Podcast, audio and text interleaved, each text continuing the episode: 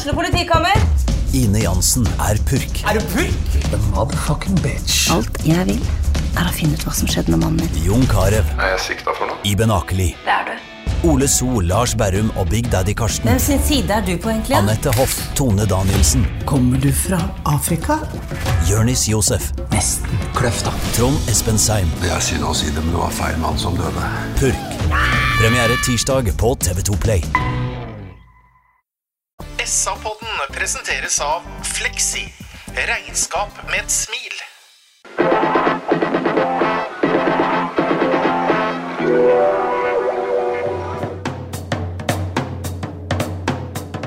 Sarpsborg Arbeiderblad gir deg en ny episode av SA-podden med Sven René Nygård, Øystein Weber, Petter Kalnes og Bjørn Inge Bingen Nilsen. Hjertelig velkommen til eh, SA-podden. Hjertelig velkommen til eh, Sarpsborg Beiblads egen fotballpodkast.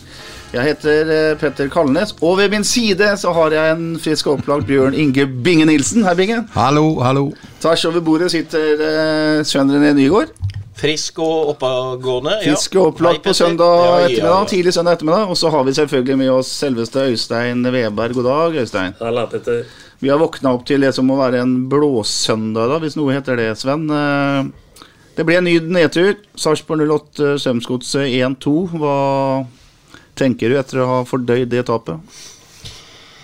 Det er en eh, medium fotballkamp, eh, sånn framgangsmessig i forhold til Sandefjord-kampen. med Strømsgodset hjemme er et lag vi skal slå hvis vi har noen ambisjoner. I hvert fall et Strømsgodset som fremstår som de gjør i dag. De kom jo med fire tap på rad, dem også. Så det var en tam fotballkamp. En kamp som jeg syns vi tross alt var klart best i.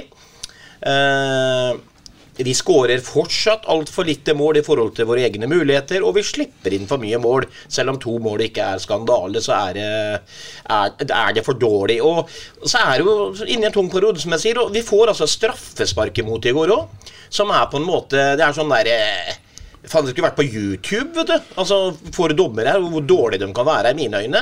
Og i forhold til det var-greien. Så der var vi jo selvfølgelig også uheldige, for der hadde vi jo momentum når de får den straffa. Men totalt sett så er det ikke bra nok. Det flyter ikke. Jeg syns um, den offensive Billborn-fotballen er mye mer blodfattig, temposvak. I hvert fall helt til Seknini og Sandberg kommer inn. Kommer inn som en frisk puss, men de to taper jo kampen sin 1-0, de òg. Men uh, blei litt mer fart over det. Og så er det Jeg prøvde å spørre eh, Sånn som jeg leste kampen i går, de siste 10-15 minuttene, så har vi et stort trøkk på dem. Vi har tre-fire cornere på rad, vi har masse innlegg inn i boksen. Og oppsett ut. Og så tenker jeg liksom Han er Meisler. Jeg så han ikke har varma opp. Han har bra spenst, og han er eh, nesten to meter høy. Jeg syns de skulle satt inn han på slutten i går, når vi hadde så mye legg i boksen, og latt han få krige der inne. Få beskjed. Du skal, være, du skal fylle opp i boksen, hold deg unna alt annet. Så tror jeg vi hadde fått et resultat ut av det. Tenkte du, Bingen? Litt flåsete sagt så tenkte jeg to ting. Det ene var at kanskje vi skulle prøve å skippe litt høyere i banen, så vi kunne skape noen offensive sjanser, istedenfor at det blir defensive sjanser av det.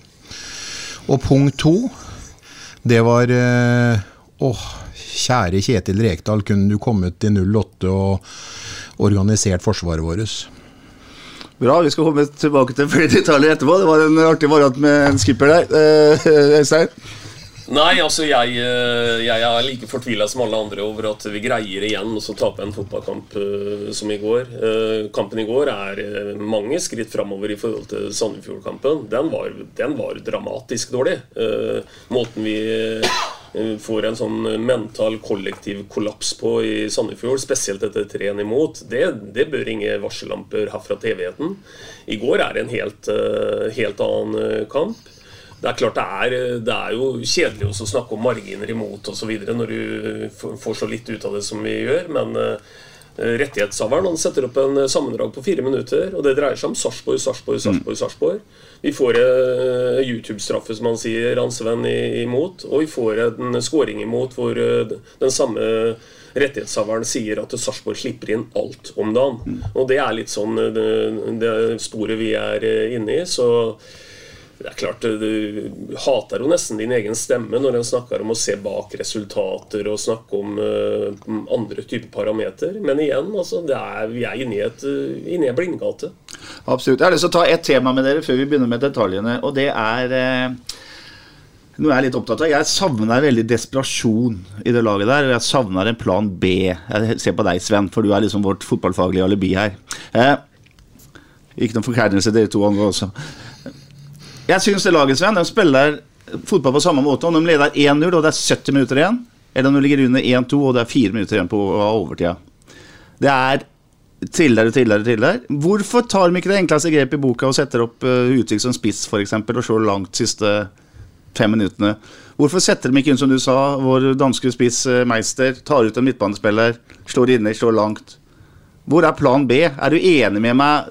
Følger du meg med på tankegangene? Ja da. Jeg, jeg kan ikke si at det nesten noen kamper under Billborn så har det vært noe plan B. Ja, men der midtstoppergreia, det gjør jo alle når det trenger Ja, ja, ja. Og da, da, sånn, derfor jeg sa det med å sette inn han dansken mm. når det er noen minutter igjen, og den perioden hvor vi har mye innlegg. Og så er det et problem i mine øyne, det er at vi har én ordentlig kriger. Og så har vi en halvannen kriger, eller en halvkriger. Den eh, ene krigeren han er og han er midtstopper. Og så har han Jeppe som noen ganger blir forbanna og der ute. Og jeg sa det i forrige pod, vi har altfor mange entertainere og altfor uh, få vinnerskaller. Som går inn og må gjøre en jobb som på en måte verken er populær eller er deilig eller hva som helst.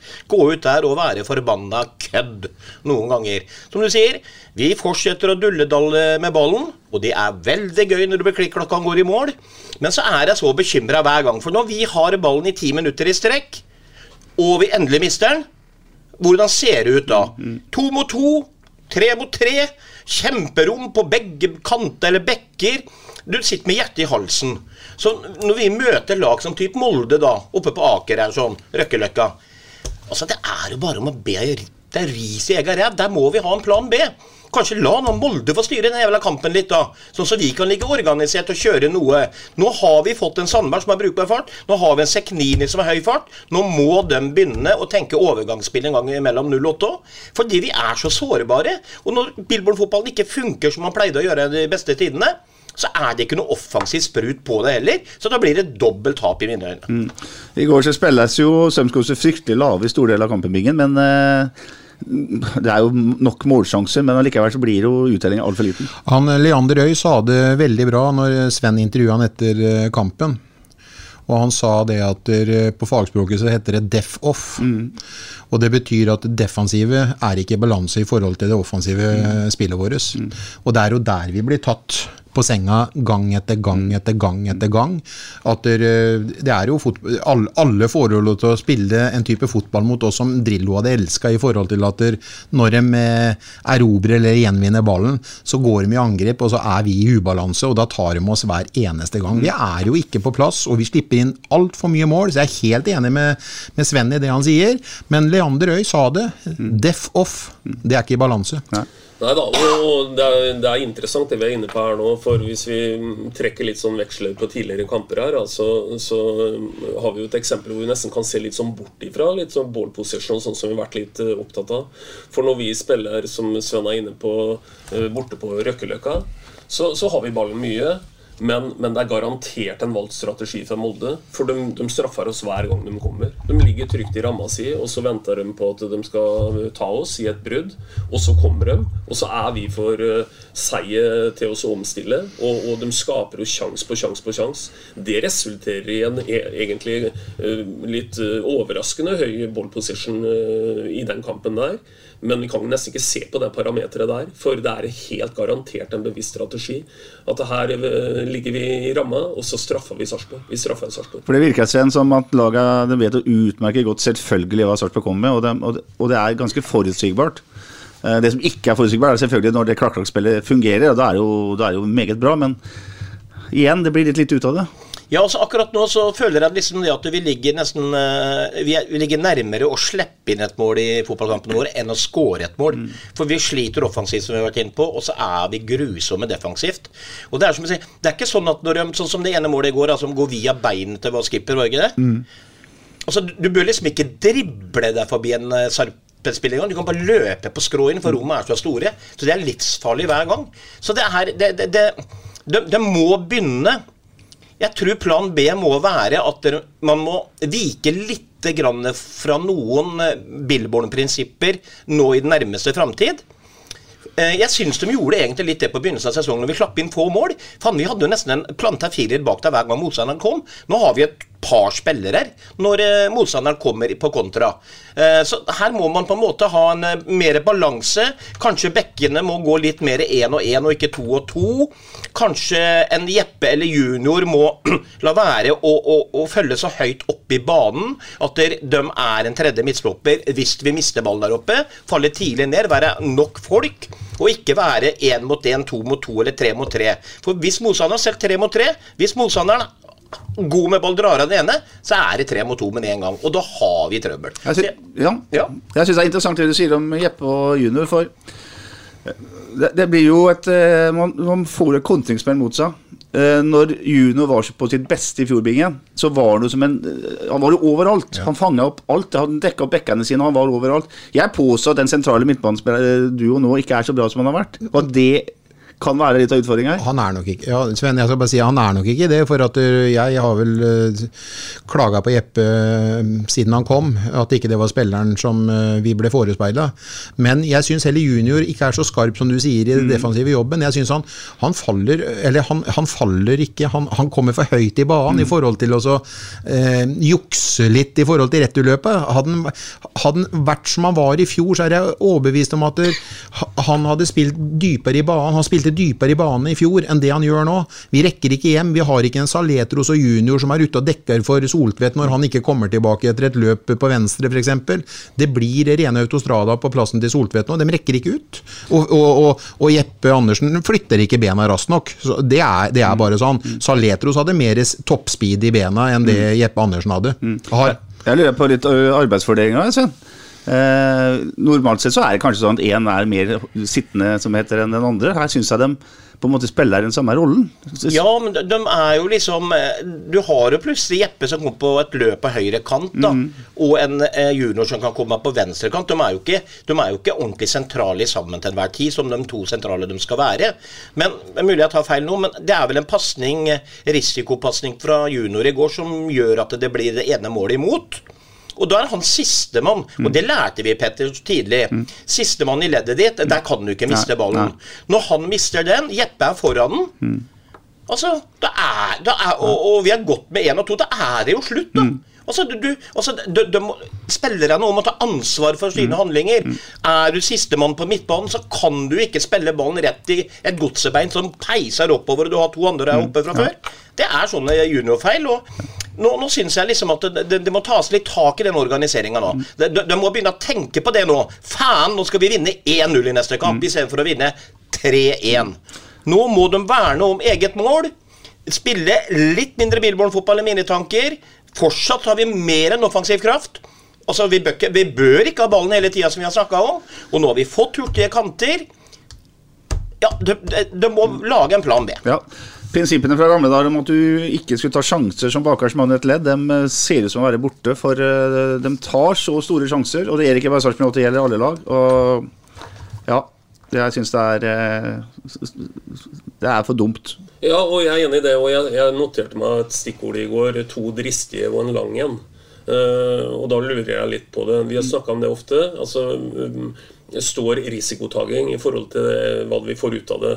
Og jeg vet ikke om du husker den eh, situasjonen hvor um, hvor eh, uforståelig nok Utvik bruker mye tid òg. Vi har ikke tid på det tidspunktet i kampen. Litt sent i kampen så skal han spille på, til Leander Øy, han skal slå tilbake der. Ja, ja. Og så ender det med en lang en. Ja. Eh, Det vi har gjort da, hvis vi, hvis vi rammer inn den eh, der, det er at vi har innført litt, eh, eller ganske mye risiko, som ender opp i det det kunne ha starta med. Altså, Han kunne slått den lange med en gang. Og så er det én ting til. da. Eh, eh, Det, det her høres også sikkert litt sånn corny ut, eh, men vi sitter også ofte veldig og så kommenterer på det som blir sluttproduktet, naturligvis. For det er jo nesten helt uforståelig å snakke om 12 innslupne til 11 kamper, og så nå 21 mål bakover på 5 eller noe sånt eller seks. Og så er noe av forklaringa på det, da. At eh, vi, vi har jo ikke noe Vi har jo heller ikke noe Hvis jeg husker eh, mot Rosenborg borte, da. Vi vinner 3-0. På tampen av den kampen så har Rosenborg en kjempedobbeltsjanse. Anders Kristiansen redder den første, spretter opp som en sprettballbinge og tar den neste også. Når så vi sist en sånn inngripen? ikke sant? Når så vi sist at eh, noe gikk stolpe ut her? Nå er det jo helt utrolig hvor lett det har blitt å så score på oss. Så noe av forklaringa på den utrolig skjeve fordelinga i forhold til innslupne mål eh, ikke sant? 12 på 11. Det er mål i snitt omtrent. Nå er vi jo langt oppe på Vi er vel på tretallet over hver, så det var 3,8 før kampen oppe på den siste fem. Det er også den derre Kall det margin, da. Hvor, hvor alt går inn. Og som eh, helt riktig ble kommentert i går igjen av, av dem som satt og kommenterte kampen. Sarpsborg slipper inn alt om dagen. Ja, det eneste jeg bare skal Jeg tar den situasjonen som Øystein mener, som jeg ikke sa noe om i går, Øystein. Det eneste jeg kan forsvare med det der, da, når Leander Øy legger ballen på fem meter, og Utvik går ut, utafor 16-meteren på dørlinja, så ender det med at Utvik slår en lang en. Men fordelen ved det, da, eh, innenfor Billborn og dagens moderne fotball, er jo det at det- godset kjører opp tre hvite. Så når eh, Leander til slutt tar til Utvik, så har de 08 lokka tre motstandere opp i banen. Hvis, det- og, og da har hun gått av tre spillere på en måte med en lang pasning. Så det er klart at Røystein, eh, hadde Leander lagt den på femmeteren, så hadde de rygga tilbake med de tre, og da hadde vi hatt eh, verre arbeidsforhold. Det er, ja, det er, det er lokking, ikke sant. Men som sagt, nå gikk det bra i går, men vi er jo avhengig da at de er gode nok med ballen i beina, de som lokker ut andre. Nå snakker vi om eh, forsvarsspillbingen i, i motkontrasituasjoner, altså når vi mister ballen og blir kontra på. Du sier å organisere Forsvaret bedre. Mener du også at uh, det ikke er godt nok når man er i etablert forsvarsspill? Altså når, når man senker seg og har, uh, motstanderen har ballen? Ja, jeg, jeg, eh, jeg syns vi begår en del tullete feil. Jeg bare sånn frist i minne fra forrige, forrige kamp, når vi var etablerte, når eh, viktene skaller den rett opp i lufta f.eks. Kommer ikke hurtig nok inn i press på andreballen. Vi, eh, vi, vi gjør ikke bare mål Vi får ikke bare mål mot oss på overganger, vi gjør det også etablert. Eh, Vi er, ikke, vi er ikke skarpe nok og intelligente nok i, i alle faser av spillet nå, som vi var i en del kamper. Jeg kan også si det offensive i forhold til Jeg syns jo han skulle vært på sirkus, han Pascal Lundqvist. Han er jo, alle ser jo det at han har eh, kvaliteter med ball, han har eh, ork, han eh, løper mye, han gjør seg spillbar osv. Men herregud, så lite sluttprodukt det er inn. Han, eh, han eh, han skåra altfor lite mål i forhold til hva han klarer å produsere. vet du. Han, eh, det, det, det, også, det, skorter, det skorter litt over i hele nå. Vi er ikke bare, som Øystein sier, vi er ikke i ballen om dagen. Vi, vi, er, eh, vi er liksom ikke med hendene i været og er helt king etter en takling eller etter, etter en redning eller noen ting.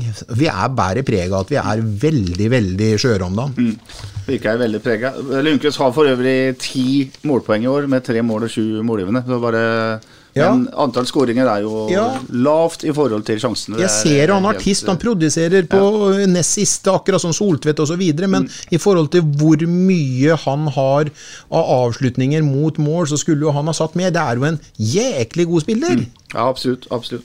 Bra. Vi skal ta gå litt på detaljer og begynne med lagoppstillinga. Der eh, Stefan Bilborn tydeligvis har hørt på podden og bytta keeper. Ja. Det sa jo både herrene, eller både Nygaard og eh, Bingen Nilsen for allerede etter forrige pod. Leander Øy står altså i mål. Anders Kristiansen er da satt på benken. Så spiller det Arne Casas overraskende nok høyrebekk. Bjørn Inge Utvik og Anton Skripla stoppere. Joakim Soltvedt tilbake som venstre bekk. Jeppe Andersen junior sentralt midtbanen. Og så bruker eh, Billborn Mikkel Margaard til høyre. Pascal Lundqvist til venstre. Viktor Torp er den type spissen. Kristian Fardal Opseth tilbake etter karantene. Og spiller spydspissen. Vi starter bakfra. Bjørn Inge, hva syns du om unge Leander Øygaard? Jo, han åpner frist og går ut og plukker en ball ganske tidlig der. og Han er, eh, er med i kampen og han eh, spiller vel litt på marginer enkelte ganger. Jeg venter på et brudd i forhold til pasningsspillet mellom han og Utvik eh, bak der, sånn, men han kommer seg ut av det med, med æren i behold. Skulle han fått to- toppscore, så skulle han jo skulle jo holdt den straffa. Ja, ikke sant? Voksen Nei da, den var ikke noe å gjøre noe med. Men eh, det er liksom utgjort litt på retningsforandringen til skipper på det Mm. andre målet, så han kommer liksom ikke helt inn i skuddet, han heller. Men Han den, hadde veldig bra redning tidlig der, Robbingen, hvor Ja, han går ut Ja, jeg- spissen av fem og gjør ja, seg stor, sånn Ja, som andre Anders gjorde på sitt beste. Ja, Jeg ja, skal akkurat ta fra den situasjonen. Etter 22 minutter så er det en pasning i, i medløp til en som eh, Eller en godsespiller som er, har et bra løp mellom bekk og stopper. Cirka på femmeteren, som Sven sier. Han skulle egentlig bare snu seg og kline til, men før han får gjort det, så er Leander Øy helt ute i vallen og, og fikser en, et hjørnespark. Det syns jeg var uh... det var godkjent, det her. er sånn. Jeg fikk ikke ja, avslutta, det var godkjent. det her er ikke sånn. Men det er litt synd. Jeg sier det som han Weber sier, at den retningsforhandlingen så Han ligger jo egentlig og har kontroll på utgangen på skuddet til Ulland Andersen, han. Ja. Men eh, så kommer den der retningsforhandlingen. Det er jo helt sjakkmatt. Det, er, det går det, det, treffer ikke Han klarer ikke å henge igjen benet. Det treffer ikke noen kroppsdeler, han, liksom. Det er, eh, sånn har det ikke gjort på Anders på sju-åtte kamper heller. Det er egentlig veldig synd at vi er der vi er nå, men han eh, kom gjennom debuten, han, og det var jo ah, Vi slipper inn to mål igjen. Nei, eh, returen sin, da. Han spilte seg egentlig aldri ut sist heller, men eh, han fikk lov til å stå i mål igjen nå. Men det er litt sånn ah, symptomatisk. Nå skårer vi Vi skårer jo mål i hver, hver eneste kamp, men vi slipper jo inn altfor mye. Om vi skårer to mål, så taper vi. Om vi skårer tre mål, så taper vi. Skårer vi ett mål, så taper vi. Vi klarer jo ikke å være kyniske nok bakover. ja. Interessant med Leander er at han har sluppet inn fire mål i Eliteserien i år. Og halvparten av dem har skåra 08-spillere. Ja, Altså og, og jeg vil gå enda lenger. Jeg syns Leander gjør bortimot null feil i går. Jeg. Han kan ikke lastes for noe. Og, og det er egentlig ganske godt gjort, det. For jeg satt med en sånn litt sånn uggen følelse i går. Det var et veldig varsla keeperbytte. Presset er veldig på Leander Øye i går. Ung gutt skal inn og på en måte litt sånn reisekjerringa. Jeg syns at han med både kroppsspråk og den, eh, den re, eh, redningen du refererer til der osv., viser at han har tatt ytterligere steg. Jeg tror jeg har knalltro på Leander Øya. Altså. Det var et varsla bytte, sier Øystein eh, Sven, men det er ikke alle trenere som hadde gjort det likevel. Nei da, det, det, det er sikkert ikke. Men eh, som jeg også sa forrige gang, det som er begrunna sammen med Bingen på at det blir et keeperbytte, det er som jeg sier, når Anders nå har vært litt ute av det og sluppet inn mye mål. Ikke bare hans skyld, men han har heller ikke hatt redninger. Og når du har en ung, lovende gutt i Sarpsborg som har debutert på U21-landslag, så kan du ikke la være, vet du. Han må få vise seg fram, han og Leander nå. Og jeg satt sammen med Brudalen litt i går etter kampen og sånn, og prata litt rundt av Leander. Jeg satt eh, for øvrig faren til Leander Øye og satt og prata med han. Og når du hører den der historien fra han kom fra Sarpsborg som 15-åring, flytter alene ned her som var 15 år gammel. Eh, måten han har trent på han ga han eh, treningsfri. Nå skal du lade litt batterier her for en god stund tilbake.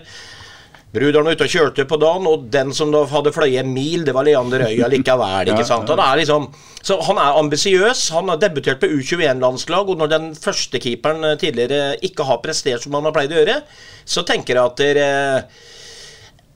Nei, det hadde, det hadde vært helt feil uansett hvis Leander ikke fikk prøve seg i kampen i år. Og så En liten uh, ting til som er viktig i den sammenhengen her, Petter, uh, når det gjelder Leander Øy. Det er at I går kveld så, så var Sven og jeg ute og tok oss et glass eh, brus. Og den vi sitter og hygger oss med mye av den kvelden her, det er Ivan Øy. Faren til Leander Øy.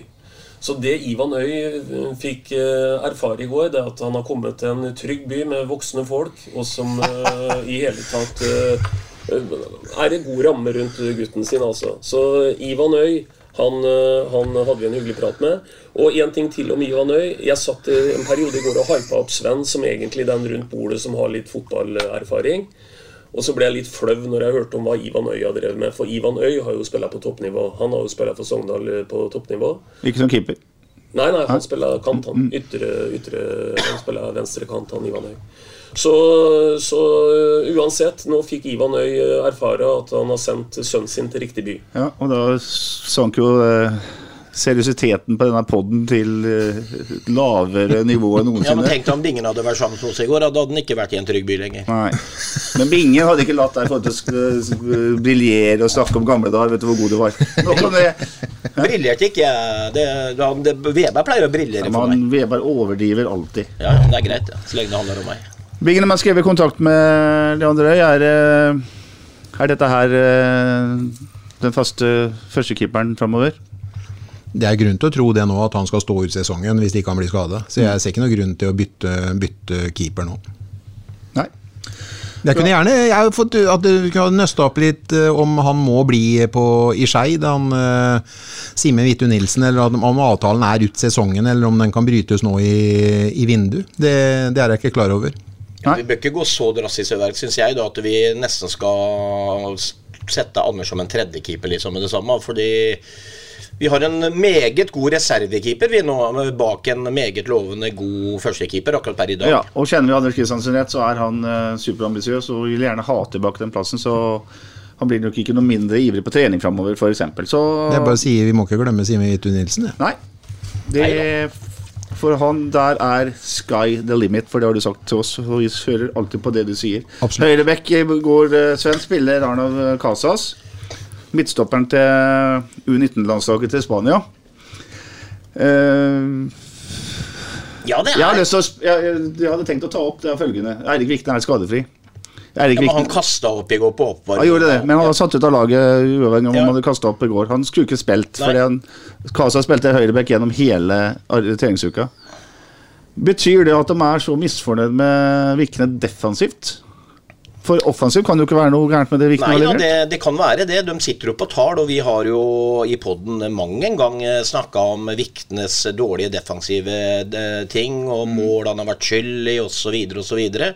Og er det sånn at Casas eh, kom fordi han skal spille? Eh, Jeg tror vi havna på en høyrebekk, for Billboard sa det til meg i går, at han spiller på en helt uvant plass. Eh, han hadde jo sine mangler defensivt å begynne med der. Han blei jo vippa vekk noen ganger og sånn. Og i andre omgang så fikk jeg et inntrykk at han egentlig spilte ren høyre kant, for han sto der oppe og var spillbar. Og der, der er han god. Han hadde ikke noe sluttprodukt i går med noe geniale passinger og sånn, men når de slo opp på han, så spratt jo aldri ballen unna han. Så han beholdt den tilbake i 45, og så rulla de opp på nytt igjen. Så han er jo utrolig balltrygg. Men eh, det, det må jo være rart for Casas også, å komme fra U19-landslaget til Spania som visekaptein, eh, eventuelt kanskje bli lovt en venstre midtstoppeplass, for så første kamp bli kassa ut på venstre bekk, for så å starte på en høyre bekk. Det er jo liksom en sånn en eh, rar historie i hele saken, syns jeg, da. Eh, Men du stiller spørsmålet kan det være Viknes defensive eventuelle mangler, og svaret er jo et soleklart ja. For, for eh, nå hører jo med til historien som Svein er innom, da, at eh, det var jo litt spesielt å se Vikne varme opp i går. For han, han eh, stopper jo opp da, som sagt, og så brekker seg veldig. Det, er noe, det er noe som ikke helt fungerer. Da. Så med fasit i hånd så ble jo dette her greit sånn.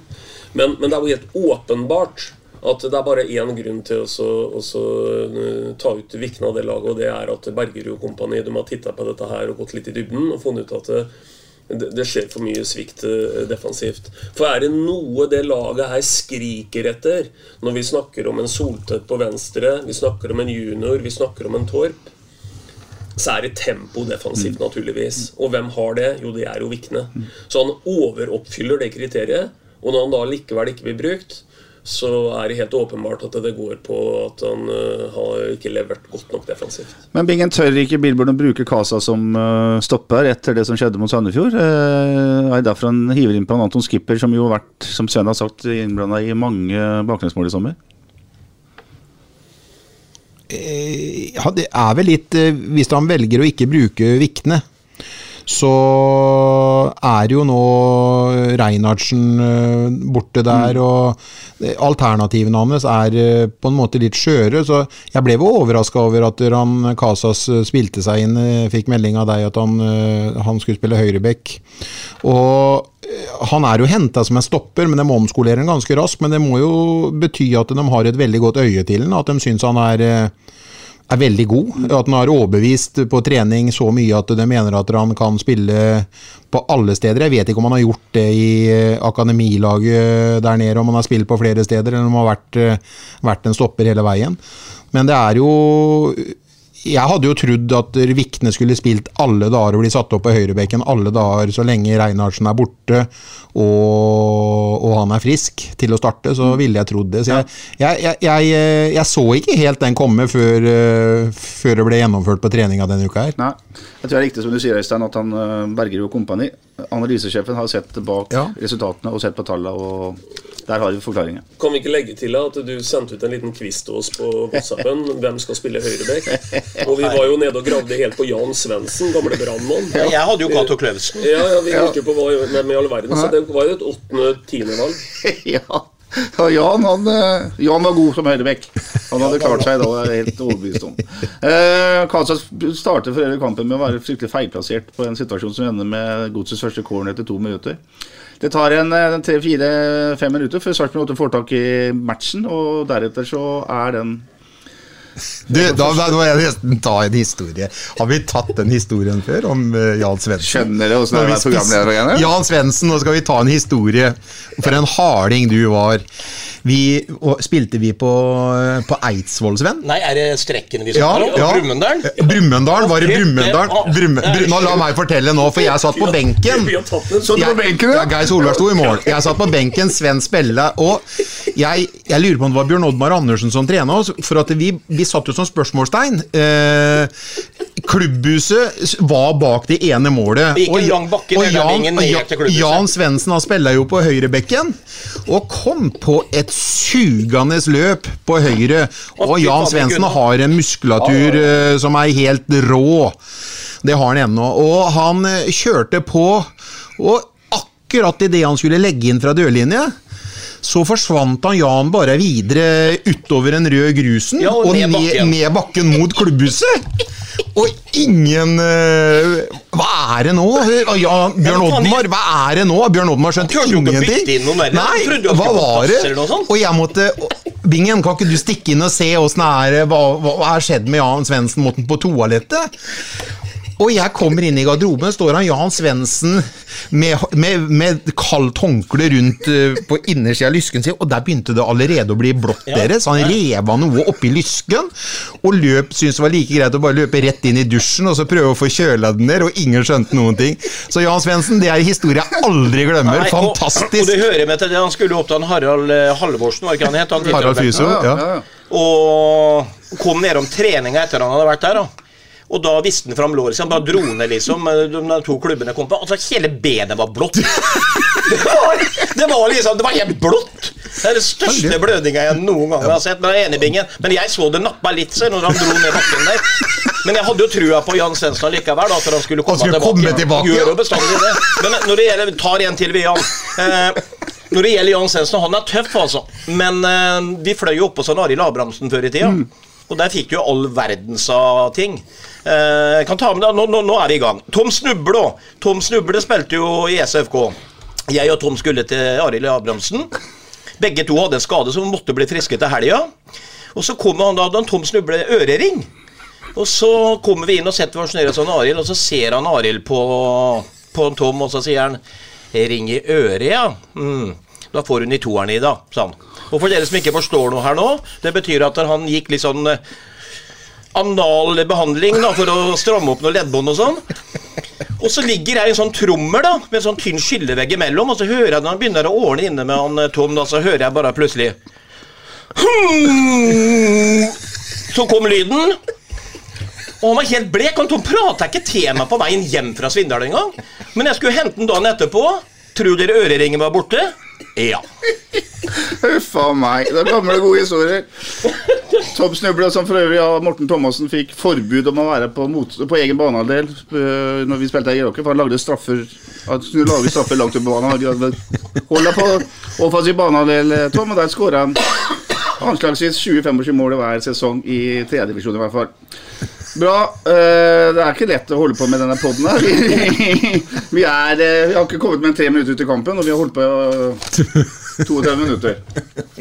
Eh, ja, ni minutter så er Øy ute og tar et eh, innlegg. Der er han i gang. Eh, før det så har Fardal Opseth hatt en, en heading som var både løs og eh, og ikke spesielt godt plassert. Og etter fem minutter så er et eh, første fine angrep til 08. Utvik er involvert. Fardal spiller til Jeppe, og Jeppe skyter over fra forholdsvis god plassering. Men eh, et svart skudd av vår danske venn der. Vi har savna Soltvedt de siste kampene. Eller eh, kanskje bare én kamp. Det han gjør i forkant av skåringa til Kristian Fardal Opseth etter 11 minutter, husker dere det? Det er veldig bra, og det er veldig bra det som Mikkel gjør etterpå. Mm. Som igjen underbygger det vi har snakka om tusen ganger, at han, han produserer mye. Og ikke minst så er det veldig bra han som står i enden på det innlegget gjør. Eh, Og jeg skal love deg én ting, eh, Fardal. Det jeg skal lage til deg før du eventuelt forsvinner fra den byen her, det er en statistikk på hvor mye du har produsert i forhold til antall spilleminutter. For den er nemlig høy, altså. Eh, vi, vi sitter med et inntrykk av at en Fardal har hatt en sånn kom si kom sa-periode her i Sarp. Men måler vi eh, antall skåringer opp imot antall spilte minutter Jeg har ikke det tallet, men det går an å finne det. Så er det noe av det bedre vi faktisk har hatt her i byen. Det er interessant med sånne folk som har den der evnen vi har snakka om mange ganger, til å stå på rett sted til rett tid og lukte en situasjon som eh, ikke alle kan. Og så er dette her et, eh, et mål Sven, som kommer som en konsekvent av et ettertrykk som heter etter et hjørnespark. Altså Sarpsborg har, har hatt corner som blir klarert. Man får tak i ballen, og så angriper man direkte på det. Og da er ofte Forsvaret litt uh, uh, uorganisert, ikke sant? Ja, og, og det er det trykket som vi har ved enkelte anledninger, eh, enkelte sekvenser i løpet av en fotballkamp som er veldig bra. Men vi må ha det oftere, oftere, og gjerne enda mer trykk. Enda mer trykk. Enda mer duellering og sånn. Og jeg kan bare støtte opp under Øystein når det gjelder akkurat han oppsett her, for det- han hadde jo nesten et til som du kanskje kommer tilbake til. Eh, men hadde også en par situasjoner som jeg og, og Vebjørn satt og så på, hvor altså det kom noe skudd. Hvor keeper redder, annet. Og den som kommer som troll i eske på den returen omtrent, rakk akkurat ikke en par ganger, det er han. Så han har jo han har jo virkelig det man kaller for nese for mål, liksom. Det er, mm. Så det, det, det er bra oppsett. Så vi får håpe du presterer videre. Eh, sier det nok en gang. Når vi er på trøkk på slutten her, skulle hatt inn en svær bamse til, og så skulle kanskje oppsett fortsatt vært å stanga inn i det. Det som skjer da i, eh, etter 11 minutter, er at Solseth har altså slått en corner, eh, som da etter hvert blir klarert. Solseth kommer seg da ut fra der er corner eh, blir tatt fra, og havner i en offensiv høyreback-posisjon. Stoisk ro, tar, tar ned eh, ballen på kassa, vipper den elegant over en eh, godsespiller, og slår en volleypasning til eh, Mikkel Margaard. Som igjen gjør det samme. Slår en lekker pasning på volley. Bredsida til Fardal Opseth, som ganske riktig som Øystein sier, header helt perfekt ned i hjørnet. Et veldig, veldig bra mål. Så går det bare fire minutter, så er jo som du sier, Sven, Kristian Fardal Opseth en kjempesjanse igjen. Det er Jeppe og uh, Jeppe Andersen og Pascal Lundqvist som gjør forarbeidet. Ja, og der eh, men- Bingen etterlyser jo enda mer eh, produksjon av Pascal. Nei, mål, mål. Ja, ja, men, men der er ikke hans feil at han ikke får målgivende. Nei, det si er sant. sånn. Der skulle han hatt sitt åttende. Veldig, veldig bra det Lundqvist gjør der med å heade den ned. Og helt unormalt uh, oppsett å ikke sette den. Åh, hvor deilig det hadde vært å få 2-0 på det tidspunktet der. Ja, og det verste er at det kunne vært tre etter 18 minutter, for da er det Soltvedt som er på offensiv eh, tur. Dunker til på en volley fra skrått hold, og Kristian Fardal Opseth er et skonummer fra å, å sette den i åpent mål, så der er det bra trøkk altså fra, fra hjemmelagets eh, side. Hvis det er noen som eh, føler at de eh, vil misforstå, akkurat som Øystein ville misforstå nå med Pascal, så snakka jeg om at tre mål for han er for lite. Mm. Men jeg klager ikke på assisten hans, men han kommer til så mange sjanser, så jeg forventer at sluttproduktet fra hans skuddben kunne vært litt friskere. Det var det jeg sa i Mm. Ja, stad. det Jeg sier jo ikke at han er dårlig, han er altfor god til å skåre så lite mål. Ja, det har du helt uh, rett i. Bra, Bingen. Etter en uh, ca. 25 minutter så begynner Godset å være litt med i en kamp som Svarten 8 har dominert totalt, men også derfra ut så er det 08 som har, uh, har det som er av sjanser. I 35 minutter så er det, etter 35 minutter så er det vår venn Lundqvist som Bingen sier, som uh, dribler og dribler og dribler og dunker til. Et skudd som blir redda til corner. Bra redning av uh, godsekeeperen. Uh, og så er det også en situasjon til der eh, der Utvik eh, header, og der er det vel eh, Gustav Walsvik som står på streken og redder. Ja. også en kjempesjanse. Ja, og så litt tilbake til det jeg starta med da, i forhold til å nyansere det som var prestasjonen i går. Uh, igjen da, Når rettighetshaveren skal sette sammen highlightsa, så er det null highlights for, for Strømsgodset Mm. i første omgang. Det er 4-0 uh, i forhold til høydepunkter. Alle uh, Sarpsborg. Bare for igjen å gni inn hvor utrolig bittert det er å gå av stadion i går med null poeng. Ja, Vi gir oss ikke mer sjanse i første omgang. 37 minutter. Utvik ja, på bakre stolpe. Hedder like utafor. Der har han satt flere av i år. Og så er det en kjempemulighet egentlig et- etter 42 minutter. Det vil si er en mulighet. Eh, Jeppe Andersen er to mot én og velger en, en dårlig løsning. Svak pasning til Kristian Fardal Opseth er Han kunne finta den pasningen, Ja. og så kunne han gått bare på skrå til høyre, så skulle han sjøl Ja. avslutta Ja. alene med keeper. Og det er det jeg har sagt før. Jeg mener at på det nivået her, sånne situasjoner, to mot én, eh, må få komme til avslutning. Ja, og er du presis altså, En ting er som Sven sier, hva han kunne gjort annerledes. Men det er greit også å velge å slå pasningen til Fardal, men ikke så upresis som han gjorde det. For setter han opp Fardal sånn som han bør gjøre i den situasjonen der, så er det også en kjempestor mulighet. Ja.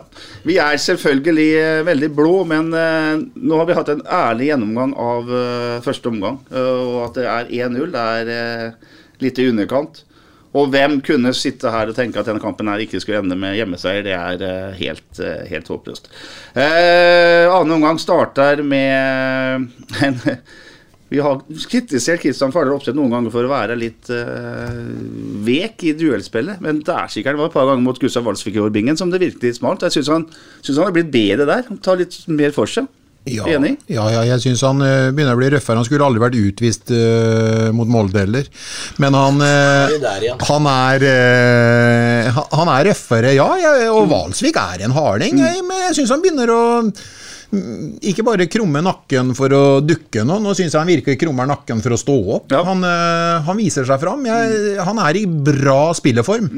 Det er veldig bra. Jeg sitter og leser litt ballbesittelse, vet du, Petter, og litt eh, avslutning eh, på og utafor mål. Vi har altså I kampen så har vi 16 avslutninger, vi, mens, og fem av dem er på mål, og elleve av dem er utafor mål.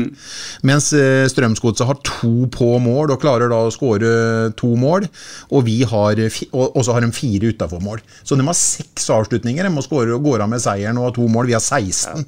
Det er jo noe som ikke stemmer. Ball possession 58-42. Uffa meg. Ja, uffa meg. Uffa meg. Et kjempeangrep etter 49 minutter som dessverre ender med et litt dårlig innlegg fra Solseth for en gangs skyld, men da er det der kombinasjonsspillet veldig, veldig bra. Eh, Etter 53 minutter gjør uh, Godset en endring og setter inn på eh, Eirik Julland Andersen. Det skulle bli ganske så viktig, skal vi få eh, erfare etter hvert. Og så har jeg skrevet at eh, noe jeg tror er eh, årets lengste angrep, eh, Sven. Fra 58 til nesten 61 minutter har Sarpsborg 8 ballen. Og den har vi midt på motstanders banehalvdel. Ja. Ja, De rulles og rulles og bearbeider og bearbeider. Og det Og- hele ender med en eh, Vel, med en corner. Nei, det gjør vel ikke. Det husker jeg forresten ikke. Men det er iallfall sånn at det der treminutters angrepet blir fulgt opp av at Anton Skipper havner i en eh, situasjon med Jonas eh, Terkelsen innenfor 16-meter. Det blåses straffe. Eh, umiddelbart, hva tenkte du? Veldig lett å si umiddelbart. Eh, Jeg var helt sikker på at den blåste frispark for Sarpsborg. Sånn som jeg sitter og ser den situasjonen der, så, så blir eh, skipper sparka bak i, i halsene.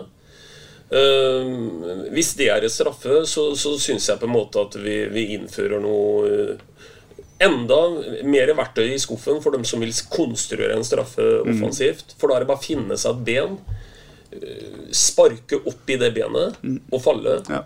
Så jeg syns det er helt uh, utrolig. Uh, igjen tilbake til den highlights jeg så på, så, så hører jeg han som kommenterer, han sier først at uh, han trodde det var en klar straffe. Mm. Men da ser jeg priser, så sier han at nei, fra denne vinkelen så ble han litt usikker i forhold til det. Og så hører du ikke mer på det klippet åssen resonnementet fullt ut er. Nei, han, han- går, tar, eh, legger seg helt flat. og At det her er feil. Det her er ikke Ja, straffe. Han ja. gjør det. Mm. Og jeg, jeg ser det på, også på reprisa på stadion i, i går. At jeg kan ikke forstå hvordan, øh, hvordan det der øh, er være straffe. Men du kan eh, underbygge litt, Sven. Det koka vel litt i mix-on etter kampen òg, gjorde det ikke det? Ja, jeg så Bjørge Øyestad. Han eh, dro til seg den gamle Norges beste dommer før i tida, Rune Pedersen. For jeg prata nemlig med han før Bjørge tok tak i den. Eh, før vi gikk på lufta. Og så spør jeg han Rune altså, så helt ærlig, Rune. altså, Her er jo helt natta. Det her er helt feil. Eh, Så svarer han ikke ordentlig. Så spør jeg det at hva holder de på med oppi den VAR-bussen sin eller den Mm. VAR-greia når de ser den situasjonen? Så sier han Rune noe så dumt for meg der og da i hvert fall at det, nei, det er sånn i protokollen at der, dommeren skal gjøre en, en stor feil før de kan gå inn og rette opp eller overprøve han der. Og som jeg sier til Rune da, altså liksom stor feil. Altså dømme en straffe som ikke er straffe, som er helt kampavgjørende, må vel være en stor nok feil når de sitter og ser det på klippa. Så de holder jo sammen, de her dommerne nå, Ja, ikke sant? Og, og jeg bare hørte han jeg bare hørte han heve stemmen litt, han Bjørge Øyestad. Ikke var ikke sinna, men eh, hvordan også Norun-straffa også dro med seg Rune videre bortover. Altså, det var ordentlig. Og Billborn gikk jo så langt til å si at da, da, vi kan ikke ha VAR hvis ikke de klarer å en gang eh, rette opp i en sånn en feil. Og det, det er jeg helt enig i. Da kan du nesten ikke ha VAR. Her snakker vi ikke om flere kameraer. Her snakker vi ikke om kortere behandlingstid. Her snakker vi om tre nisser som sitter og ser på tre svære skjermer og ser at skipper blir sparka bak på leggene, og han tryner. Det ser de så godt på skjermene. De gjorde det til og med det på, denne, på stadion. Og når vi ikke kan gå inn og pipe i øret på den og si at det, nå har du tatt feil. Ferdig med det. Det er ikke straffe. Er det ikke fotballforståelse på den som ser på der, eller hva er det som skjer? For det der for meg, det er noe av det dummeste jeg har vært borti, for å si det rett ut. Ja, det ser helt latterlig ut. Og, og VAR-diskusjonen blir jo bare, som du sier, den blir jo bare dummere og dummere når ikke man kan ta det der. Ja, og så tenker jeg bare, liksom, Hvis vi drar det litt sånn inn i sånne juridiske begreper, da, så tenker jeg at øh, øh, her blir jo forsettet helt borte. Mm. Altså, Skipper gjør jo ikke noe med noe forsett. Han, han blir sparka bakfra. Han ser ikke det sparket han får. Han, han styrer ikke denne situasjonen. Så, så, så det er noe rart med den der, den der konklusjonen her, at det skal være en øh, straffbar øh, sak. Jeg, jeg får ikke det til å stemme. Han, eh, unge Jonas Torkelsen blir også, eh, Terkelsen blir også intervjuet her, og han er et sympatisk mann, men han, har en, han vet han har en dårlig sak, så han eh, svarer veldig unnvikende til TV 2 på spørsmål om han virkelig var straffe. Han sier det er en kontakt og bla, bla, bla, bla men ser på hele mannen at han har en eh, følelse Han, av han blir jo liggende og titte i gresset, han, for han er sikker på at han får noe imot seg, kanskje kort i til og med. Ja, til og med. ja. Så det er, det er veldig rart, det der. sånn. Men, u- men, eh, Men uh, Bingen, her er Svein Oddvar Moen, Uh, en av de mest erfarne. Jeg begynner å bli gammel han nå. Ja, men jeg synes han, han synes han alltid har vært en ålreit dommer, men ja, Ja. er ikke det her dårlig for spilleforståelse? Liksom? Er ikke det er ikke en situasjon du ser hundre ganger? liksom, at du... Ja, men jeg, jeg, jeg også, det, det, det er lov å overse. Det kan være noen i veien så han ikke ser eh, hele kontakten, også kontakten, men den ligger jo rett ut i lufta begge to. Men jeg er også helt enig med dere alle tre og hele Fotball-Norge. at der, skal vi ha, fortsatt ha VAR, så må VAR utvikles, akkurat som vi snakka om Cato Haug hadde kalt dem inn på teppet for 14 dager siden. For eh, jeg syns jo det er veldig rart at ikke, som Sven sier, at det er mangel på fotballforståelse. Eh, Hvorfor går de ikke inn og så bryter av og forteller at den her må du se på, på skjermen? For eh, her er det åpenbart noe som ikke stemmer. Det er, eh, det, det er ikke bra det her, er her sånn, og det begynner å bli så mye. Det skjer jo, og det kommer jo til å skje i dag igjen, uh, at det er problemer med VAR. Altså, vi vet jo, Det er jo så forutsigbart nå, så vi vet at det, det, det, det, det, det, ja, det er så ja, Det er veldig skjørt, da.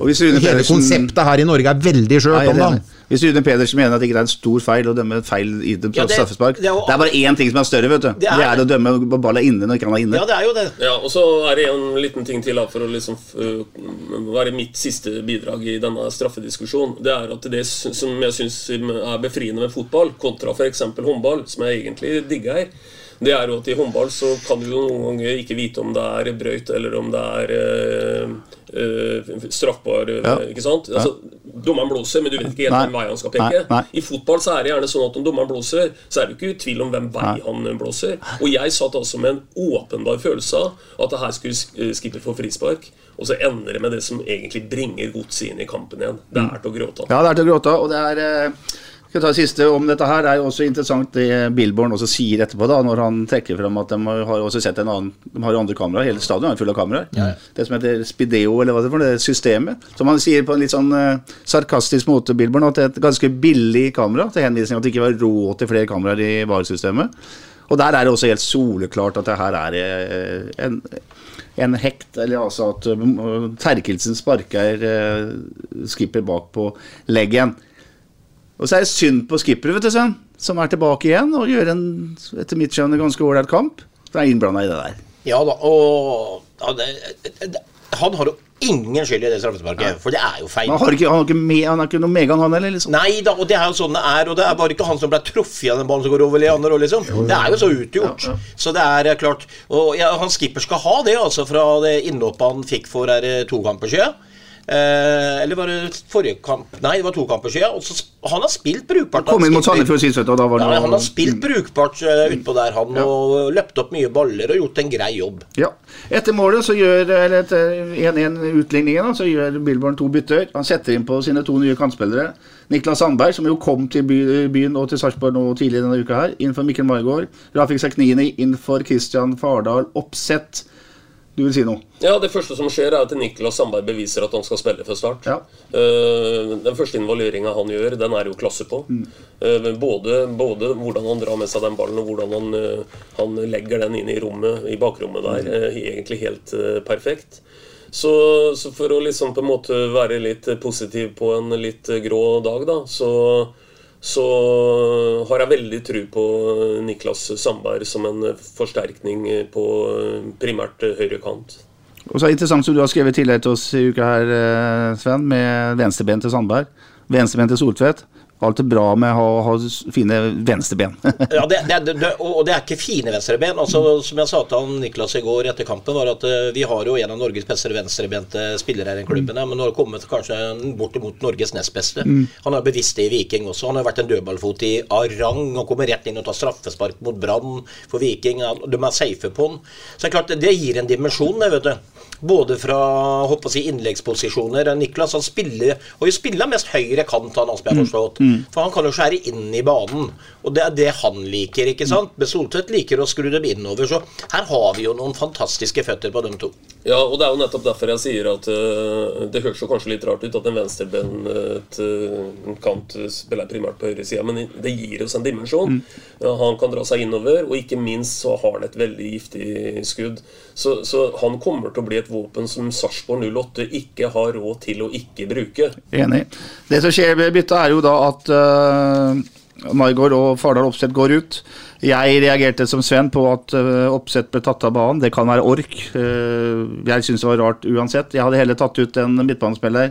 Satt Torp tilbake som midtbane og uh, Lundqvist inn i en dype spissrolle. Må jo ha uh, Fardal Opseth på banen når uh, man skal jakte et seiersmål her. Ja, det er jo han som er målskåreren han har spilt i det siste, på en måte. Og, og som jeg sier, også ikke bare det at du jakter et mål, men det er liksom hvordan jakter vi det målet. Vi jakta en periode det målet med masse innlegg, masse dødballer. Og det var da jeg mener at de høyreise gutta og han eh, dansken kanskje kunne få kommet inn i 16-meteren der. For ja, det gleder jeg meg til. For det, hvis, hvis han har så mye spenst som jeg hører, og han er god på huet og har den høyden, må det være et mareritt å spille mot hvis du er eh, stopper eller et eller annet der inne. Henrik Meister. Eh, Henrik, Jager. Jo. Eh, vi har sett den på treningbingen. Han virker uferdig i skal vi si eh, kortbanespill og teknisk. Det går, synes det går, litt fort for. Ja, ja, men- men det er jo et monster foran mål. da. Ja, ja Det er det kan jeg skulle bryte si. inn. Mm. Ja, for, for, det- for Bingen tar. Nei, jeg ikke det. Og det, det er helt greit, det. Han er helt uferdig. Men jeg snakker om de legga i boksen Mm. som vi hadde mange av. Mm. være, om du er uferdig, gjør ikke en dritt. Han bør ikke, ha ballen, han. Nei. Mm. Legg deg opp på Valsvik nå. Følg rundt han. Og når det kommer et legg, så gjør jeg klar. Ja, iallfall gjør det på overtid. Da, Ja, ja, han skal ikke ned i banen og være med på noe klikk-klakk. Han skal være der inne når innlegget kommer. han var sist gang han kom inn, du så det sist han kom inn. var det sist gang han kom inn? nei, ja, da var han overalt. Da var han i huggeren høne. høne. Han, eh, han må ha klare direktiver, som han Sven sier nå. Der skal du ligge. Ja. Bra. Vi eh, fortsetter 67 minutter. Eh, Joakim Soltvedt gjør et lignende skudd som han gjorde refererte til tidligere i kampen. Da er det Pascal som har et nummer for små sko. Treffer han den, så har han åpent mål. Eh, Ja, et 68 minutter så er Svein Oddvar Moen på farta igjen, for da slår eh, Pascal Lundqvist en tunnel på han Grøgård. Grøgaard. Og, og Grøgaard står jo der. Hvor pokker skal Pascal gjøre av seg? Få frispark mot seg? Er det virkelig mulig? Ja, det, er jo, det er jo igjen en sånn situasjon hvor du lurer på om det er mulig å blåse den veien Ja, der. det er indirekte frispark for Pascal, mener er jeg. Ja. for uh. Ja. Merkelig. Merkelig. Ja. Eh, 69 minutter. Viktor Torp en overgang der han har folk med seg både til høyre og venstre, men han velger å skyte. Han tror han har den uh, målet han skåra sist, vi skal minne deg, for det er omtrent samme situasjon. Men det går vel rett i stopperen. Så er det en nydelig greie vet du, med Pascal Lundqvist etter 72 minutter. Junior spiller han igjennom. Pascal snur seg på 17-18 meter. Skyter mot venstre, og det er eh, centimeter på utsida bingen. Der etterlyser at den skal gå innafor stengene. Ja. Fordi han er så god som han er. Ja, ja han er jo eh, åpenbart uh, en veldig god spiller. Så det, det, det, tenk om han hadde fått skikk på Det er kanskje derfor han er hos oss òg. For at han uh, mankerer uh, målpoeng når han er ute hos de store. Ja. Det er, det er, når han får, får dem innafor, det er bare et tidsspørsmål. Han må ikke slutte å stole på ferdighetene sine. Han må ikke slutte å, å, skyte han. Dem, plutselig så er det stolpe inn der. Det kan være litt ketsjup-effekt å snakke om det før, Sven. På Spitsar det er ofte sånn. 73 minutter så er det våre venner, nye venner, da, Seknini og Sandberg, som er i farta. Enig med at Sandberg skyter et bra skudd på første touch. Eh, bra teknikk der, og en god redning av Vilja Myra i godsemålet. Og jeg, det her er altså, som jeg gjentar, en, en ren eh, oppsummering av hva som skjer på, fotball, på fotballkampen. Det her er ikke fordi jeg er blåøyd. 75 minutter. Eh, skipper vinner hodeduell på corner, Hedda er like over. Så spilles eh, Godset kjempelavt. 81 minutter, flott landskudd av Niklas Sandberg igjen, som eh, ender opp i et eh, hjørnespark.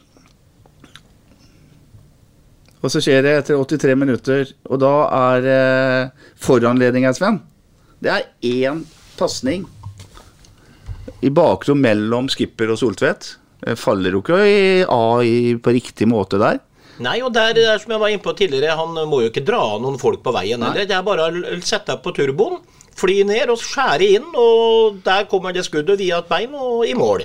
Og Altså, det er så enkelt mål imot, og, og det, det er sånn effektiv kontring, kaller ikke godset det for. Men vi må ha en plan i den situasjonen der. Det er tross alt 1-1. Ja, vi jager ledermålet, men vi kan ikke tømme hele Nord-Europa bak der. Det, det er, vi må ha litt kynisme, vi også. Vi må være litt forsiktige. For vi må jo bli klok av skade her snart. Altså, det, det skjer jo sånn møkkamål stadig vekk. Så nei, det, det, må, det, må, det må strammes inn. Det som faktisk er et faktum her, og det her, det her er ikke en kontring imot, her er det noenlunde etablert i forsvar. Eh, Det er ikke press på ballholder. Da lærte alle at hvis da må man falle, ikke Ja, sant? ja, ja, men, men, det, for meg så blir det en kontring hvis ikke du faller av. For da Jo, jo, men altså, du deg bakover jo, uansett. jo, men det, det er jo, Godset har jo flere passinger på midten her før uh, Herman Stengel slår den der i, i bakrom til Eirik Ulland Andersen. Som vel tenker deg, Øystein, at uh, jeg får vel kline til den, da, så får vi se hvordan det går. For han har vel ikke noe veldig forhåpninger om at den der skal gå i mål. Det er en 2 %-sjanse. 2 ja? Ja, bare for å sagt det. Ja. Så det sier litt om uh, marginer imot. Eh, setter du opp Ulland Kanskje ikke Ulland, da. Han er giftigere enn gjennomsnittet, kanskje. Ja. Men setter du opp folk i generelt 100 ganger i den posisjonen, så skårer de to ganger. Og da gjør de det mot oss. Men jeg har bare lyst til å si en ting til nå. Eh, Jeg tror mange ble overraska i går når laguttaket kom, og så ingen av våre nye kanter starta. Men det som i hvert fall da skal sies, det er at eh, da har vi faktisk muligheten, som vi har etterlyst mange ganger, Bingen, til å i gitte kamper til og med bytte oss litt opp i kvalitet. For vi har snakka om hvor tynne vi er, og hvor fort vi blir redusert til sportslig når vi begynner å gå på nummer 14, og 15 og 16. Uh, Seknini og Sandberg de gir oss i hvert fall enda mer verktøy i kassa her nå. Eh, For vi må på en måte etter hvert eh, bli bratt i nakken igjen og se framover. Eh, og da, da er det viktig at nå, nå, nå, har, vi, nå har vi fått uh, En Tibling spiller jo ikke ett minutt i går, f.eks. Vi har vært kritiske til han, men for all del. altså eh, Han har jo spilla en del og, og ikke bare vært helt elendig, han.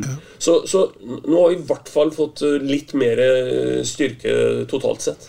Men det som er litt skummelt med det, Øystein, det er det at vi lykkes ikke med byttene våre. Vi taper snarere tvert imot kampen eh, etter byttene våre eh, kommer. Og det bygger ikke noe selvtillit, for det kommer en fortsettelse eh, hver gang etter et tap, og nå begynner det å bli så mye tap. og nå begynner det å bli... Nå, nå, altså, vi har vært gjennom eh, litt svakere antatt motstandere nå, til og med på hjemmebane. Men vi klarer ikke å få utdeling mot dem heller.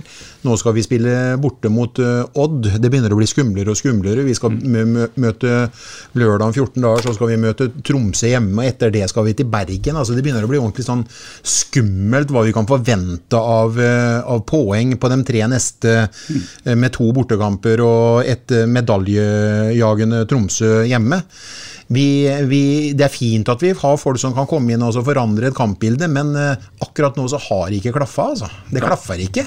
Jeg tror at det, det som blir viktig nå Hvis jeg skulle tapt ut et lag nå så gjort én forandring hvert fra start til neste gang, så hadde jeg i hvert fall satt inn av Niklas Sandberg, for han er bra trent. Mm, mm. Han har vært i kampmodus. Det er ikke Seknine, så det er kanskje 08 vet mer enn det jeg vet. Mm. Men uh, få inn eh, Niklas Sandberg, for du så han satt litt fyr på ting med en gang. Ikke bare det at han har et godt skuddben, men etter den første involveringa hvor han, han, passer så bra til Billborn-fotballen. For han er god i nærspill, han er god i første toucha. Han trer jo gjennom eh, Pascal eller hvem det var der sånn. Han har spelsinne. Jeg syns at Maigård er litt stakkato nå. Mm. Så hvis de skal bytte en høyrekant, så hadde jeg satt inn Niklas, og fikk heller Maigård hvile nå neste gang. Ja, Et annet alternativ er jo å bruke Maigård til venstre og så få Pascal Lundqvist inn i bane igjen. Jeg syns ikke han skal spille kant. Så ja, blir for, altså, for mye borte der borte. Og jeg tror heller ikke på det, Sven, at uh, Siknini er dårlig trent. Det handler nok mer om at han ikke er i kampform. Men hvordan i himmelens navn skal han komme i kampform hvis ikke han skal få, få spilt, da? Mm. Han må jo bli spilt i kampform, han. Han må jo inn hvis vi har henta han vi har, eh, vi, har vi kjøpt nå, eller? Ja, vi har kjøpt den, og, og, de kommer til å spille mer og mer binge. Ja. Og så er det også, som Øystein har sagt tidligere, eh, du har jo stilt spørsmål hvorfor, hvis du har én omgang i bena, da. Hvorfor starta du ikke? Nei, Det syns jeg alltid er et interessant spørsmål. For, for, eh, jeg tenker jo sånn at Hvis du kommer inn etter 70 minutter, og så i det 94., så tenker du at her kunne jeg gått og spille 20 minutter til. Mm. Da har du på en måte ikke helt fått utnytta den ressursen. da så, så, det er litt pussig, syns jeg, noen ganger, at en ikke heller starter, og så sier en at det bare rekker opp handa, så tar vi det av når du ikke har noe mer, eller så får vi fortelle deg det hvis du ikke ser det sjøl. Men, men, eh, det er ikke noe big deal her. Eh, men, eh, men jeg bare underskriver på det som Sven sier, at spesielt Niklas Sandberg han, han kommer til å bli viktig for oss. Men jeg er helt enig med Bingen. Ja, ja. Vi, vi, vi, vi må begynne å plukke poeng. Mm. Altså Det er det fotball dreier seg om. Mm. Så vi kan ikke bare sitte og dulle oss inn i noe annet. 2-1-målet til uh, Godset slår egentlig lufta ut av dette 08-laget, dessverre. Selv om det på det tidspunktet kommer. Altså etter 83 minutter er uh, med tillegg uh, drøye ti minutter igjen å spille. Uh, etter 85 minutter skyter Viktor Torp fra 30 meter helt håpløst. Sånn desperasjonsskudd. Så jeg har skrevet på blokka mi her at 08 Fortsetter å spille og spille og spille. og spille. Godset ligger lave og har forholdsvis god kontroll, dessverre. Og til ni minutter slår Pascal Lundqvist et glimrende innlegg mot første stolpe. Ikke en blå spiller i nærheten av det. Så har Godset en stor sjanse etter 90 minutter, som der Utvik på glimrende måte blokkerer et skudd som muligens hadde gått inn. Og så er det en siste. er en duell der Utvik knuser eh, Valsvik og alle som er inne i feltet, men headingen den tar Viljar Myra. Og dermed så ender eh, matchen på Sarpsborg stadion med 1-2. Og det betyr at Sarpsborg 8 akkurat nå, eh, før en øh, runde spilles søndag kveld, så har Sarpsborg 8 eh, 24 poeng på 18 matcher og er på niendeplass.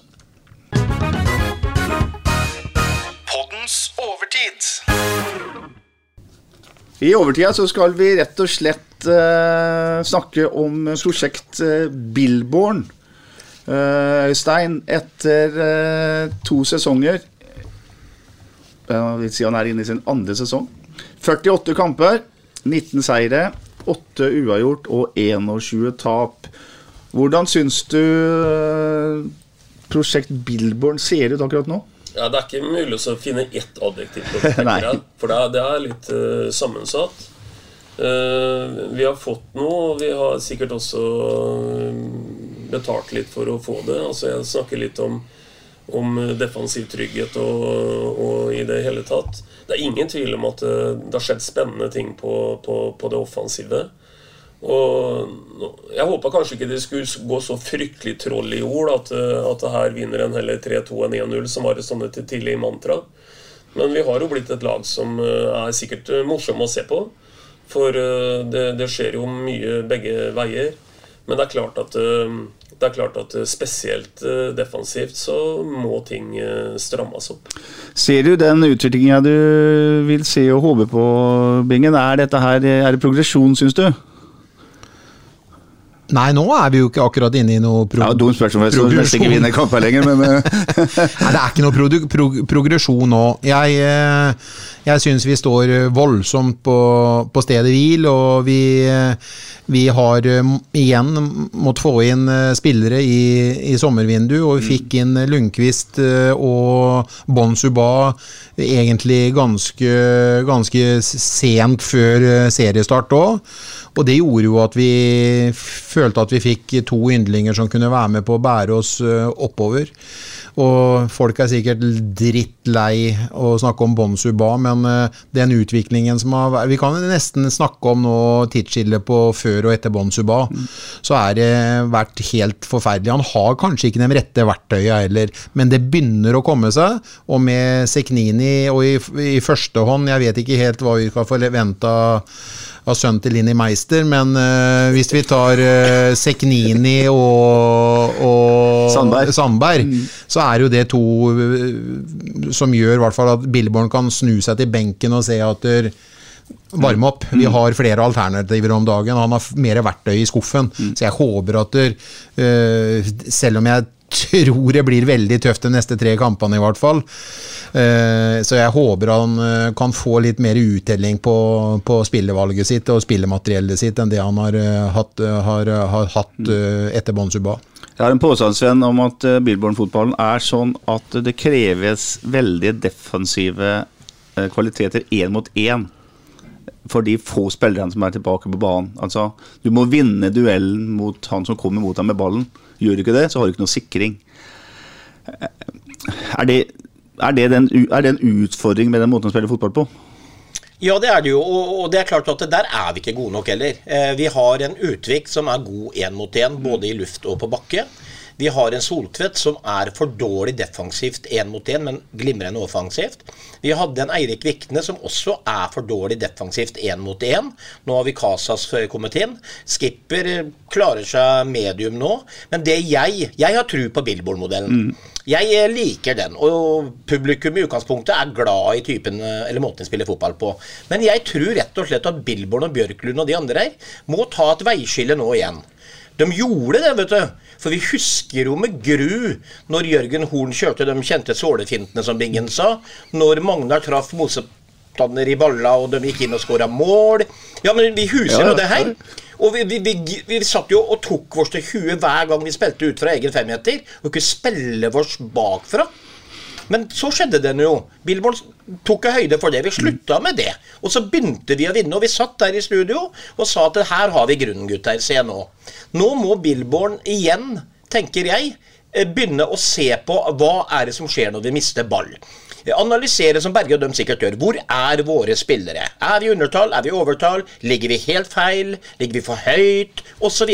De må begynne å se på De må justere litt igjen, som de gjorde den gangen. Da tror vi er på on the track igjen. altså. Eh, Jeg tenker sånn, eh, Sven, eller eh, Petter, hvis vi tar det helt sånn åpent Hvis Billborn skulle satsa ned og så på en måte konstruert sin egen stall helt fra scratch, så hadde han åpenbart vært opptatt av eh, mer fart defensivt. Mm. For, for det er helt åpenbart eh, i det spørsmålet du stiller, at eh, når vi spiller med såpass eh, høy risiko som vi gjør, så hadde det vært kjempegunstig å hatt folk som hadde fart som sin spisskompetanse defensivt. Ikke sant? Eh, se på han danske bekken som Bodø-Glimt kjøpte, f.eks., som kom tilbake som en sprinter når han eventuelt eh, glapp litt høyt i banen. Vi har ikke de eh, folka. Derav også vi snakka om det med Vikne. Han er den som kan, uh, eller som har farta. Og, og, og jeg ble litt betrygga òg når jeg så det intervjuet som de hadde på hjemmesida, som Bjørge Øyestad uh, forklarte litt nå i, i sommer, med, hvor de diskuterte dette her med nye spillere inn osv. Da er Bjørge opptatt av to ting. Det ene er å forynge stallen. Men det andre er også å gjøre stallen hurtigere. Altså Hurtighet er en faktor her som er veldig viktig. Så jeg tror at vi er ekstra sårbare pga. at eh, vi mangler eh, fart defensivt. Og blir ekstra sårbare i forhold til at vi spiller med en relativt høy risiko. Da. Åpent spørsmål. Ingen grunn til å ikke dundre videre med selvfølgelig med Stefan Billborn som trener, men også med Billborns måte å spille fotball på. Jeg skal svare deg litt mer konkret på det etter tre kamper til. Ja, nei, altså, Vi kan dundre på, men jeg har akkurat sagt jo at vi kan ikke dundre på til enhver tid. Vi må, vi må dundre på hjemover òg. Vi må finne ut av det. For det, det hjelper ikke å ha 16 avslutninger når folk ikke skårer mål hos oss, og bare ha tre imot, eller hva det er, og så slipper vi inn et mål mer enn vi klarer å skåre. Det, det er jo en grunn for det, ikke sant. Så det, det må justeres litt nå. Vi må på en måte kanskje gå litt tilbake til scratch igjen, som vi gjorde den gangen, som jeg sa. Når vi heller bare slo en lang ball. Jeg huser den, et, Det var vel Utvik som hadde det første lange utspillet etter vi hadde snakka i poden om dette her med den risikoen vi tar bak. Plutselig så begynte de å klinke ballen oppover på banen mot Tromsø borte, eller hva det var. I fjor, Ja, Hagelskjær. Hagelskjær. Ja, Etter det er mulig. 20 sekunder så Ja, feia han, feia han opp. Da så vi det. Ja. Ja, og da så vi det, og da, det blei tryggere, ikke sant? Men nå må vi også justere det defensive litt, grann, i, sånn som jeg ser det. In Billborn we trust, som de sier på Balløya. Ja, ja, og jeg, jeg, jeg svarer ikke som Bingen at jeg mener noe i dag og så kanskje noe annet om tre kamper og sånn. Jeg mener at vi må ha litt lengre linjer mm. på det i forhold til det. Men, men jeg er enig i at, eh, at eh, det strammer seg til, og at vi må vi, men, men vi har det vi har. altså eh, Vi har en Soltvedt på venstrekant. Han blir ikke noe raskere i løpet av denne sesongen her. Så, så, så, og, eller ever. Så, så, vi har det på en måte vi har. Men, men, øh, og, og jeg tror grunnleggende sett på, på det Billborn driver med. Men jeg ser at vi er sårbare i forhold til at vi har for dårlig fart defensivt. Men du mener at vi kjører på med Billborn uh, to the bitter end, liksom? Jeg, jeg vet ikke hva som er til bitter end, men, jeg, men Bitter det er når vi rykker ned. Det var jo, men vi kommer ikke til å rykke ned i Orbingen. Og så er det sånn at vi, vi kan ikke drive oss og nå, er, nå, styrer jo ikke vi klubben, da, og det tror jeg klubben skal være fryktelig fryktelig glad for. For, for vi, kan jo ikke, vi kan jo ikke drive oss og styre en fotballklubb som sånne premenstruelle k- kvinnfolk. Så det kan ikke svinge sånn, øh, det kan ikke svinge sånn øh, Bingen. Vi må ha litt lengre linjer enn det. Din tur, Bingen. Kom igjen. Nei, jeg skal ikke si noe. Jeg bare- syns det er helt feil at uh, Dag Tore Bergerud skal svi for det, liksom. Svi? Dag Tore Bergerud. Som analysesjef. Hva svir han da? Jeg syns ikke det er han det skal gå utover. Jeg syns det er noen andre. da, liksom Hvis at ikke vi klarer oss å spille inn nok poeng det med Bergerud nå var en liten fleip, men Ja, jeg- jeg, jeg føler, klaget jeg føler jeg. føler det at uh, vi låser oss veldig i fart nå. Nå er vi i utforbakke. Vi han får, til, får inn flere verktøy i verktøyskrinet sitt, men eh, det er jo åpenbart det at uh, det defensive i forhold til det offensive er uh, voldsomt ubalanse, og vi må finne ut av det her. er sånn. Vi kan ikke fortsette i de tolv siste kampene. Her. Har vi spilt 18 nå? Vi kan ikke fortsette sånn til evigheten nå og så slippe inn så mye mål, for at da er det sånn at de 24 poengene som vi, som vi Eller vi har fått tre poeng på de syv siste. Dem, vi hadde 21 poeng hvis vi trekker ifra syv kamper nå. Da, er vi, da, da ler vi av det. Og år kommer vi ikke til å rykke ned. Og så plutselig så er vi inne i en blindgate nå som faktisk ikke nødvendigvis er over. Vi må gjøre endringer, og det må Billborn og Bjørklund, som Sven sier nå, skjønne. Ellers så er de i ferd med å gå til dundas. Og hvis ikke endringene kommer, og at vi snører i en sekken bak, så mener jeg at det er litt tjenesteforsømmelse òg, jeg, når vi hadde den overlegenheten i, i poeng eh, etter etter tolv kamper spilt. Etter elleve kamper spilt. Mm. Hvis Bingen nå prøvde å forklare meg at vi ikke overlever med 24 poeng, så har han rett, altså. Bare for å ha sagt det. Så det er helt riktig, Bingen. Hvis vi ikke tar noe mer poeng, så går dette ned. Men jeg bare sier at jeg tror det skal gå fint. Men jeg er, tar det på alvor at vi har sanka akkurat så lite som Bingen sier. Og den, den, trenden der er vi nødt til å snu. Ja, og det er nok ingen i denne byen som tar det mer på alvor enn herrene vi snakker om, nemlig Stefan Bilborn, Joakim Bjørklund, Magnus Edlund og uh, Dag Tore Bergerud. Det var bare en fleip da at jeg dro i navnet ditt, for å si det sånn. Ja da. Det er uh, bra. Neste kamp den går i Skien Er det Skien som jeg har fått beskjed om at det heter? Til lørdag. Øystein. Den skal vi se live, for vi skal på tur. Fotballtur. Og det kommer til å bli spennende. Det blir spennende, og det er en vanskelig bortearena. Så hvis du nå liksom leder meg inn på et, et resultattips, så, så er vi der nå at å få med seg ett poeng i Skien, det syns jeg er akseptabelt. Så da sier jeg 1-1, ja. 1-1. Jeg tror vi slår tilbake nå. Jeg er på bortebane på en arena vi egentlig sliter noe forferdelig på, men jeg tror vi vinner 2-1. 2-1. 4-1 til Odd. Vi fikk ikke snøre sammen, i hvert fall, til helga. Nei? Da, da blir det artig. Hva du kalte det for noe premiesuelle? Ja, da blir det artig i poden. Ja, jeg antar at vi kommer til 4-1 til Odd, sier du. Jeg sier at det blir 2-2, med bra støtte fra Tune Old Boys på tribunen, Øystein. Ja, Tune Young Boys. Young Boys til og med. Det var en lang uh, pod. Neste podkast kommer på nøyaktig samme dag, ukedag, så det blir søndag det òg. Den blir spilt inn søndag ettermiddag kveld, tenker jeg, når vi har kommet oss hjem fra turen vår, Øystein. Eh, inntil det så håper jeg at både Øystein Veberg, Sven René Nygaard og Bjørn Inge Binge Nilsen får en fin uke. Takk i like måte, det skal vi satse på. Ja, prekes vi da vel? Ja, vi prekes da vel, og så får dere ha god tur, gutter. Og så Får vi holde fortet her hjemme, vi da, Sven? vi, ja, blir det noe forsinket Jeg og Bingen gidder ikke å lage for sent, og setter av Bingen som programleder, og så driver han intervjuet med meg. Bingen kan ta med Mariann. Vi har snakka litt med Mariann. Hun kunne godt tenkt seg å vært med her Ja, også. det hadde ikke- Si etter Bingen Mariann, og så Sven kjører neste, da. Det fotballfaglige hadde i hvert fall ikke blitt noe dårligere. Prekes! SA-podden presenteres av Fleksi. Regnskap med et smil. Ukens annonsør er HelloFresh. HelloFresh er verdens ledende matkasseleverandør og kan være redningen i en travel hverdag. Mange av oss har nok vandret i butikken både sultne og uten en plan for middagen, som ender med at vi går for de samme kjedelige rettene gang på gang. Middag burde være dagens høydepunkt. Som HelloFresh kan du nå velge mellom 25 ulike retter hver eneste uke, eller få HelloFresh til å sette sammen menyen for deg. Dette gir deg muligheten til å prøve nye og spennende retter alene eller sammen med familien. Du velger antall porsjoner og får alt levert på døren på et tidspunkt som passer for deg. Oppskriftene er enkle, og maten er lett å lage både for store og for små. Ved å få alt levert hjem får du også mer tid til å dele matgleden med familie og venner.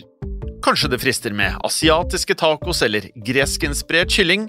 Da kan jeg anbefale deg om å gå inn på hellofresh.no. Her kan du bruke koden FOTBALL og få opptil 1779 kroner i rabatt på de første fem matkastene hvis du ikke har prøvd HelloFresh tidligere. Du kan også bruke rabatten hvis du har vært kunde og stoppet abonnementet ditt for tolv måneder siden eller lengre. Gå inn på hellofresh.no og bruk koden FOTBALL. Har du et enkeltpersonforetak eller en liten bedrift?